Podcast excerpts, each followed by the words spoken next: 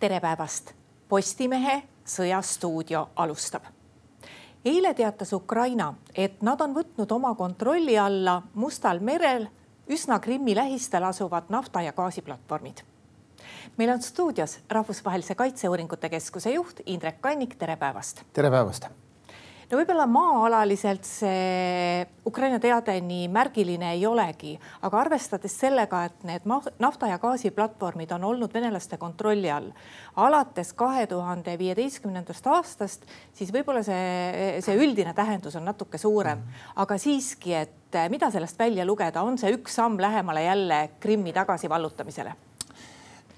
No ma arvan, et tegelikult venelased kaotasid selle üle kontrolli juba umbes aasta aega tagasi, kuna äh, nendel muutus seal kohapeal olek üsna keeruliseks. nüüd siis ukrainlased deklareerisid, et nad on saavutanud iseenda selle, ise selle üle kontrolli, et enne olid nad siis nii-öelda hallis alas pikka aega aasta jooksul. Nad asetsevad, siin on neid kokku neli tükki, kaks tükki on neist nii-öelda Ussisaare läheduses kusagil sellistel aladel siin umbes ja kaks on, üks on kaugemal lõunas ja üks on kusagil Krimmi lähedal et meil ei ole täpset ülevaadet veel, millised siis Ukraina kontrolli all on. ma arvan, et kindlasti need kaks tükki, mis on Ussisaare läheduses, kas see Krimmi lähedane ja kaugemal lõunas olev on ka Ukraina kontrolli all, selle kohta praegu kindlat infot ei ole. aga noh, igal juhul on selge, et need saared võimaldavad palju paremini kontrollida Musta mere akvatooriumit.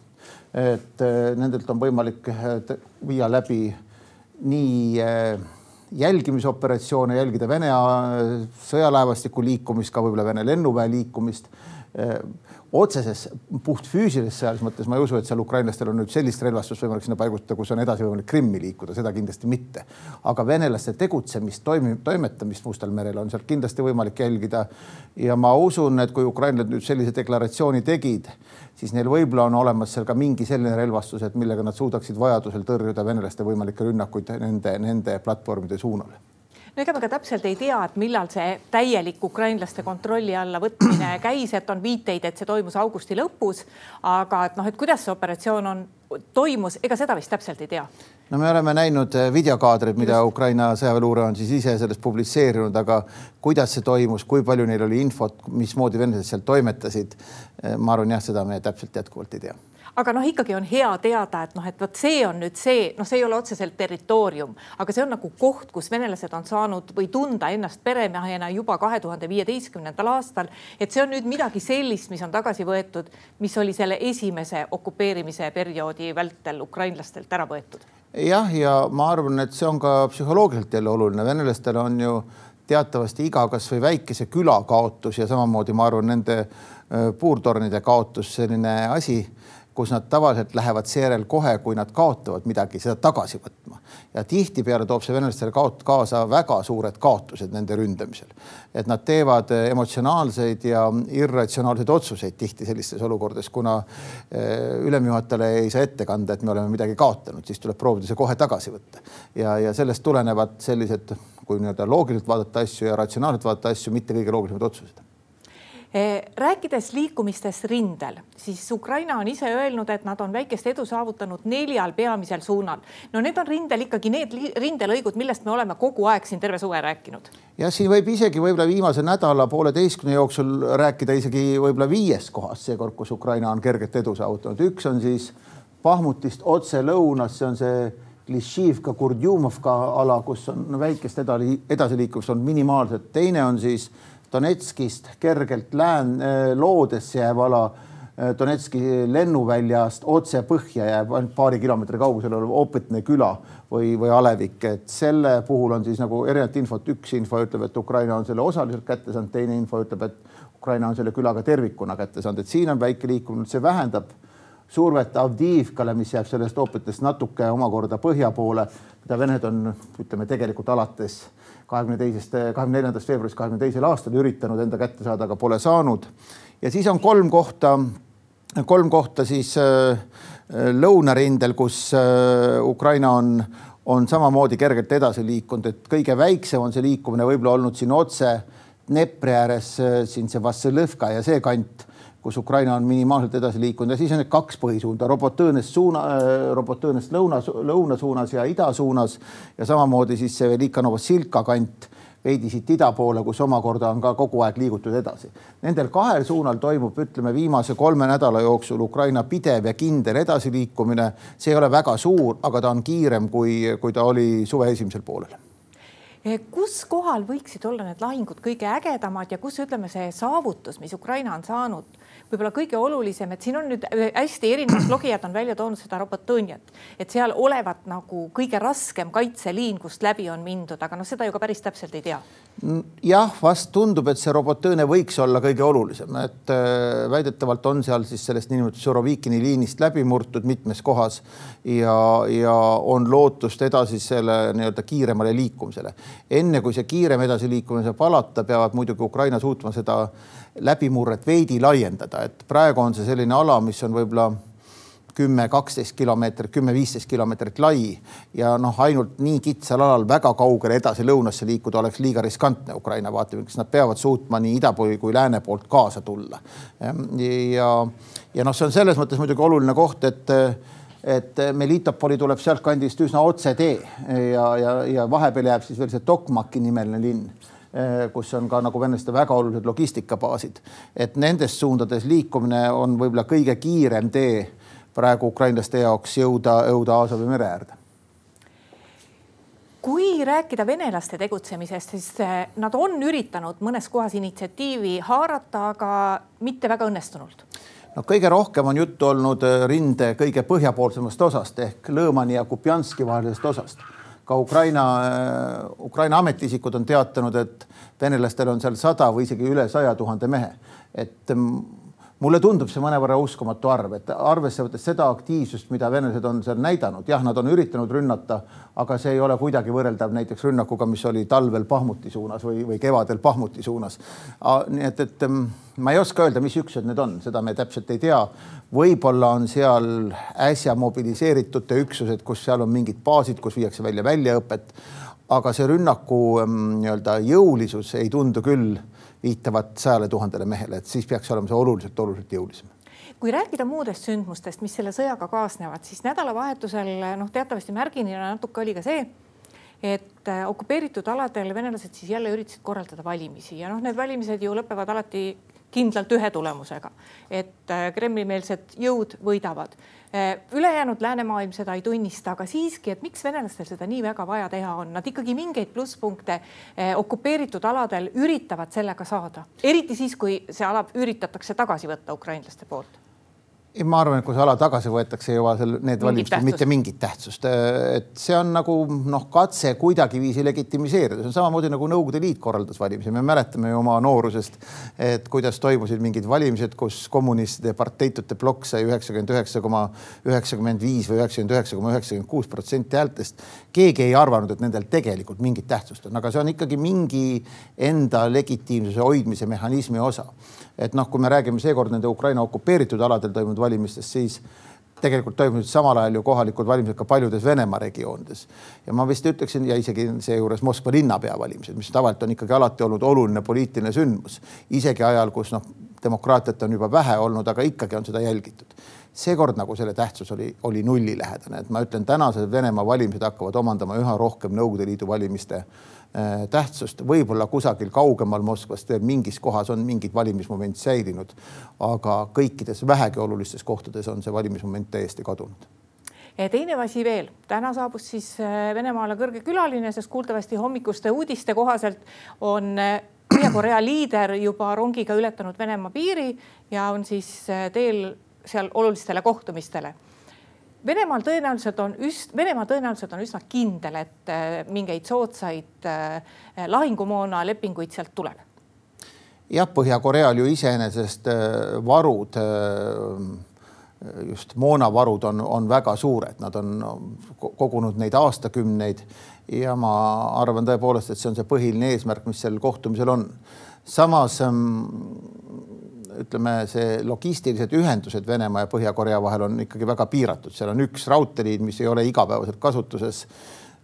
väga suuri koguseid selle kaudu transportida ei õnnestu. et nagu üldine hinnang on see, et Põhja-Korea olulisem panustamine Venemaa sõjategevusse ei ole nüüd sõda muutev tegur kindlasti, et ainult Põhja-Koreast saadava varustusega ei suuda Venemaa, ei suuda Venemaa ikkagi seda sõjakäiku kuidagiviisi muuta või oma kontrolli alla saada. aga noh, seal on muidugi omad täiendavad riskid olemas, kui kui Hiina näeb, et Põhja-Korea jaoks möödub see protsess karistamatult, kui Hiina näeb, et läbi Põhja-Korea on võimalik ka oma, oma relvastust saata Venemaale, siis on oht, et Hiina hakkab ka seda tegema senisest suuremal määral ja see oleks muidugi, oleks muidugi oluline, märksa olulisem kui Põhja-Korea sekkumine no viimastel nädalatel on suhteliselt murelikuks muutunud Rumeenia. ja, ja murelik on ta seetõttu, et äh, aeg-ajalt nagu tundub seoses sellega, et äh, ikkagi need droonitükid kukuvad ka neile. Äh, võiks nagu üldistavalt öelda, et nemadki on juba sõtta kisutud, kuigi NATO peasekretär on öelnud, et ei, ei, et see ikkagi niimoodi ei ole nojah, tõenäoliselt äh, nende droonitükkide puhul äh, Venemaa ei plaaninud Rumeeniat rünnata, see seal, see on koht, kus Donau jõe suupealadel Donau teeb väikese pöörde just, et ma ei tea, siin on see kaart liiga väike, me seda ei suuda siin ära tuvastada, aga, aga selles kohas on äh, väike pööre. Ja see tähendab seda, et kui mujal samal laiuskraadil olev ala oli, oli oli Ukraina territoorium, siis selle ühe koha peal oli ta just nimelt Rumeenia territoorium. et eks venelastel läks seal midagi viltu. aga noh, mis nagu võib-olla oli murettekitavam ja segadust külvam, oli tegelikult ähm, need reaktsioonid, mis sellele järgnesid. Rumeenia ju algul eitas seda ähm, Ukraina võib-olla liiga intensiivselt rõhutas, et oli küll seal, noh, lõpuks Rumeenia möönis, et jah, tõepoolest toimus sinna kukkumine. et äh, need reaktsioonid ja kommunikatsioon oleks võinud olla kooskõlastatum Mm. ja no tegelikult on see ikkagi jälle küsimus, et noh, mm, et kuidas siis NATO sellises olukorras käitub, et keegi ei taha jõuda olukorda, kus sõda muutuks Venemaa ja NATO vaheliseks sõjaks. aga kui ikkagi üldse reaktsioone ei järgne, kasvõi no see on juba, ütleme vähemalt me võime öelda teine juhtum, mis on tõestatud, et Vene, Vene rakett on sattunud NATO riigi territooriumile, üks varasem oli ka antud juhul küll droon siis, aga üks varasem oli ka Ukrainas, Poolasse langenud, Poolasse langenud Vene raketi rusud. Siis nagu võib-olla peaks tulema tugevamaid reaktsioone kui, kui lihtsalt ebamugava teema kõrvalelükkamine no nüüd, mis puudutab meie regiooni võib-olla lähemalt, on see, mis tegevus on alanud Valgevene territooriumilt. et eh, meie naaberriigid hakkavad eh, järjest enam nüüd eh, levitama uudiseid, et ebaseaduslik ränne üle piiri Valgevene poolt ja lausa inimeste pressimine on hakanud taas pihta. no paar suve tagasi me, me, me meenutame, et see oli täpselt samamoodi ja need inimeste kogused või need inimeste arvud, keda sealt niimoodi siis eh, ühelt poolt eh, Valgevene piirivalve poolt enam tagasi ei lasta ja kellel kuhugi minna ei ole, et need arvud lähevad järjest suuremaks, et Poolas olid need arvud juba päris suured, aga tegelikult on Läti ja Leedu täpselt samamoodi sellega hädas. et kas me peame praegu kartma, et Valgevene territooriumilt vaata hakkab mingi selline selline tegutsemine eh, siin meie piirkonna vastu just? Mm, seda välistada ei saa. Eh, Valgevene on seda ükskord teinud, kindlasti Moskva heakskiidul ka tollal kahe tuhande kahekümne teise aasta siis eh, kahekümne esimese aasta suvel. Mm, ja, ja see nõudis eelkõige Poola ja Leedu, aga ka Läti piirivalvetelt ja ka teatud määral Ukraina piirivalvelt üsna massiivset pingutust, et need protsessid kinni hoida. samas lätlased, leedukad, poolakad said sellega väga hästi hakkama. nii et, et ma usun, et vähemalt siiamaani ta ei ole kindlasti samades mahtudes olnud, nagu ta oli kahekümne, kahekümne esimese aasta suvel. aga välistada, et ta jõuab samade mahtudeni, me jälle lõpuni välistada muidugi ei saa. et ähm, Valgevenele muidugi peituvad sellega omakorda riskid, et äh, kui need kolm riiki paneksid ikkagi oma piiri lõplikult ja täielikult kinni Valgevene jaoks, siis see tähendabki, et Valgevene ainuke avatud piir oleks Venemaaga, mitte mingit muud piiri üldse ei oleks ja ma ei usu, et see tegelikult nagu pikas perspektiivis Valgevene juhtkonna huvides on. ja, ja eks see muidugi oluliselt mõjutaks ka seda, et Venemaa kaupade pääsu üldse näiteks Euroopasse või vastupidi, Euroopa kaupade pääsu Venemaale, et Valgevene kaudu on ju maismaad pidi see kindlasti kõige, kõige lühem tee üldse aga Valgevene jaoks praegu see oht õhus on, sest sellest on räägitud, Valgevene piiri sulgemisest. no nii sulgemisest. Poola, nii Poola, Leedu kui Läti on sellest rääkinud, osa piiripunkte on ka juba kinni pandud, nende piiripunktide arv, kus, kus liiklus toimub, on vähenenud. ja, ja ma arvan, et see on üks võimalik meede, kui, kui, kui riigid tõdevad, et Valgevene eh, tolereerib sellist tegevust ja toetab seda tegevust eh, paar päeva tagasi siin Ukraina president eh, tegi võib-olla mõneti üllatava pöördumise. Noh, ta teeb neid ju kogu aeg, aga see alatoon oli selline, et Ukraina peab valmistuma pikaks kurnamissõjaks ja Ukraina majandus tuleb Äh, selle kohaselt ümber korraldada ja pidas ta seal mõneti silmas ka seda, et noh, ühelt poolt sõda on pikk ja ta ongi juba pikk olnud, aga teiselt poolt ka see, et see lääne tähelepanu ja abi, et noh, see võib vaikselt-vaikselt väheneda. see praegu seda ju näha ei ole, see oli selline hoiatus. Oli see sõnum pigem läänele või oli see sõnum pigem oma rahvale? no ma arvan, see oli sõnum nii ühele kui teisele, et, et et, Ukraina muretseb selle pärast, kui kaua lääne toetus jääb, kuigi ma tõesti olen nõus, et praegusel hetkel minu arvates lääne poliitilises, mm, poliitilises juhtkonnas sellist mõtet küll ei ole, et me peaksime hakkama vähendama Ukrainale toetust. ja vastupidi, on olnud üsna kindlalt ja üsna üksmeelselt ja üsna jõuliselt seisukoha taga, et toetame nii kaua, kuni on vaja. aga alati on demokraatlikes riikides valimised, alati võivad tulla teistsugused valitsused võimule et see oht on olemas, et Ukraina peab ka sellele variandile mõtlema vaieldamatult, aga ma ei arvaks, et see täna on nüüd nii-öelda väga akuutne ja väga kohene risk. ennustame siis ka natuke, et selle suveperioodi lõpuni on noh, eriti Ukrainat arvestades on siiski veel siin kuu-poolteist kindlasti julgelt aega. vaadates seda, kuidas praegu Ukraina on edasi liikunud, ta on edasi liikunud noh, küll mõnede arvates väga aeglaselt aga samas tõenäoliselt ei saa kõrvale jätta seda, et ta on liikunud tegelikult edukalt, ega siis seal neid alasid ei ole ju kaotatud, pigem on vaikselt edasi nihkutud. kas praegu on loota, et järele jäänud suveosaga tuleb mingi suurem liikumine või kui vaadata pilti rindel, kas selleks on mingeid eeldusi, kui vaadata, missugune lahingvarustus Ukrainal on, kas sellel, selleks on eeldusi, et üldse on võimalik veel midagi suuremat ette võtta? See sõltub kõige rohkem sellest, et kui palju on Ukrainal õnnestunud kahjustada Vene vägesid. kui Vene vägede lahingvõimekus säilib samal või enam-vähem samal tasemel, mis, mis ta on siiamaani olnud, siis nagu kiiret edasiliikumist on raske ette näha, see edasiliikumine toimub, aga mitte kiire kui Ukrainal on õnnestunud äh, Vene vägede näiteks suurtükitule võimekus piisavalt alla viia, siis ühel hetkel võib hakata see eda, edasiliikumine olema palju kiirem, kui ta siiamaani on olnud. Et me ei tea, palju venelastel on suurtükke alles, me teame seda, et venelaste suurtükikomplekse on hävitatud väga massiivselt lõunas, noh, ütleme viimase paari nädala keskmine on olnud üle kolmekümne äh, suurtükikompleksi päevas ja üle kahekümne on olnud suve algusest saadik, nii et, et see on olnud massiivsed kaotused. Venelastel on ka moonakaotused suured olnud, et ja kui kuulata ja lugeda venelaste sõjablogereid, siis see hädakisa, et me ei suuda ukrainlaste suurtükitulele vastata. Ja et kogu aeg oli ju vastupidi, et ukrainlased olid Vene suurtükitulele, ei suutnud piisavate kogustega vastata, aga nüüd ei ole ei kogused enam võrdsed, nii kogused on Ukraina kasuks kui ka tule ulatus, tule kaugus on Ukraina kasuks, siis see peab hakkama ühel hetkel tööle. Kas ta hakkab piisavalt tööle sellel määral, et Ukraina suudaks sügise jooksul äh, vabastada suuri territooriumeid või väga suuri territooriumeid Lõuna-Ukrainas, seda on raske hinnata. Ukraina on ka ise öelnud sellega, et nad suudavad rünnakut jätkata ka talvel, kui on vajalik. Mm, eks saab näha. Ukrainas jah, ma arvan, et aega veel tegelikult Lõuna-Ukrainas äh, enne kui talv saabub, on ikkagi veel kaks kuud üsna julgelt, et kui me meenutame, siis eelmisel aastal Hersoni linna Ukraina ju vabastas äh, üheteistkümnendal novembril et eh, kaks kuud on selleni kindlasti aega. sõltub muidugi talvest ja, ja sügisest, et alati võib tulla talv ka novembris, aga ta võib tulla Ukrainas ka, Lõuna-Ukrainas alles ka detsembris, nii et, et aega veel tegelikult on. no üks asi, mida venelased suudavad ka ikkagi suhteliselt edukalt teha, on droonirünnakud ja, ja, ja need on päris hullud, sest et noh, tõhu, tõrjet, õhukaitset igale poole siiski ei jagu.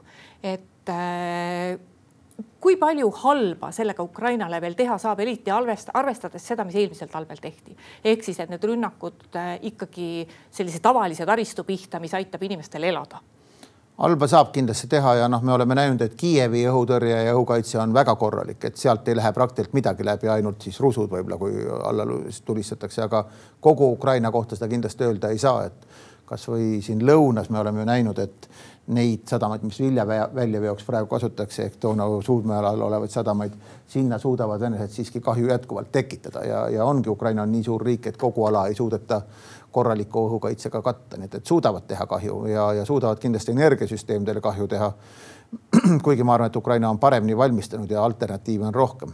ja üks muu erinevus on võrreldes eelmise aastaga veel, et ähm, tegelikult samasugune võimekus tekitada kahju Venemaal ja energiasüsteemidel on nüüdseks olemas ka Ukrainal, mida neil veel eelmisel talvel ei olnud Ehm, Ukraina ei ole siiamaani nii-öelda suurte energiaobjektide vastu läinud, jah, on olnud väiksemaid rünnakuid piiriäärsetel aladel teatud energeetikaobjektide suhtes Venemaa.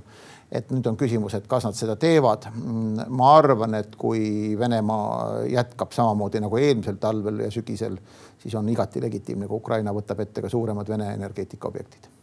Indrek Kannik, aitäh tulemast stuudiosse. ja aitäh ka kõigile neile, kes meid vaatasid Postimehe järgmine otsesaade on eetris juba homme. Seniks lugege uudiseid postimees.ee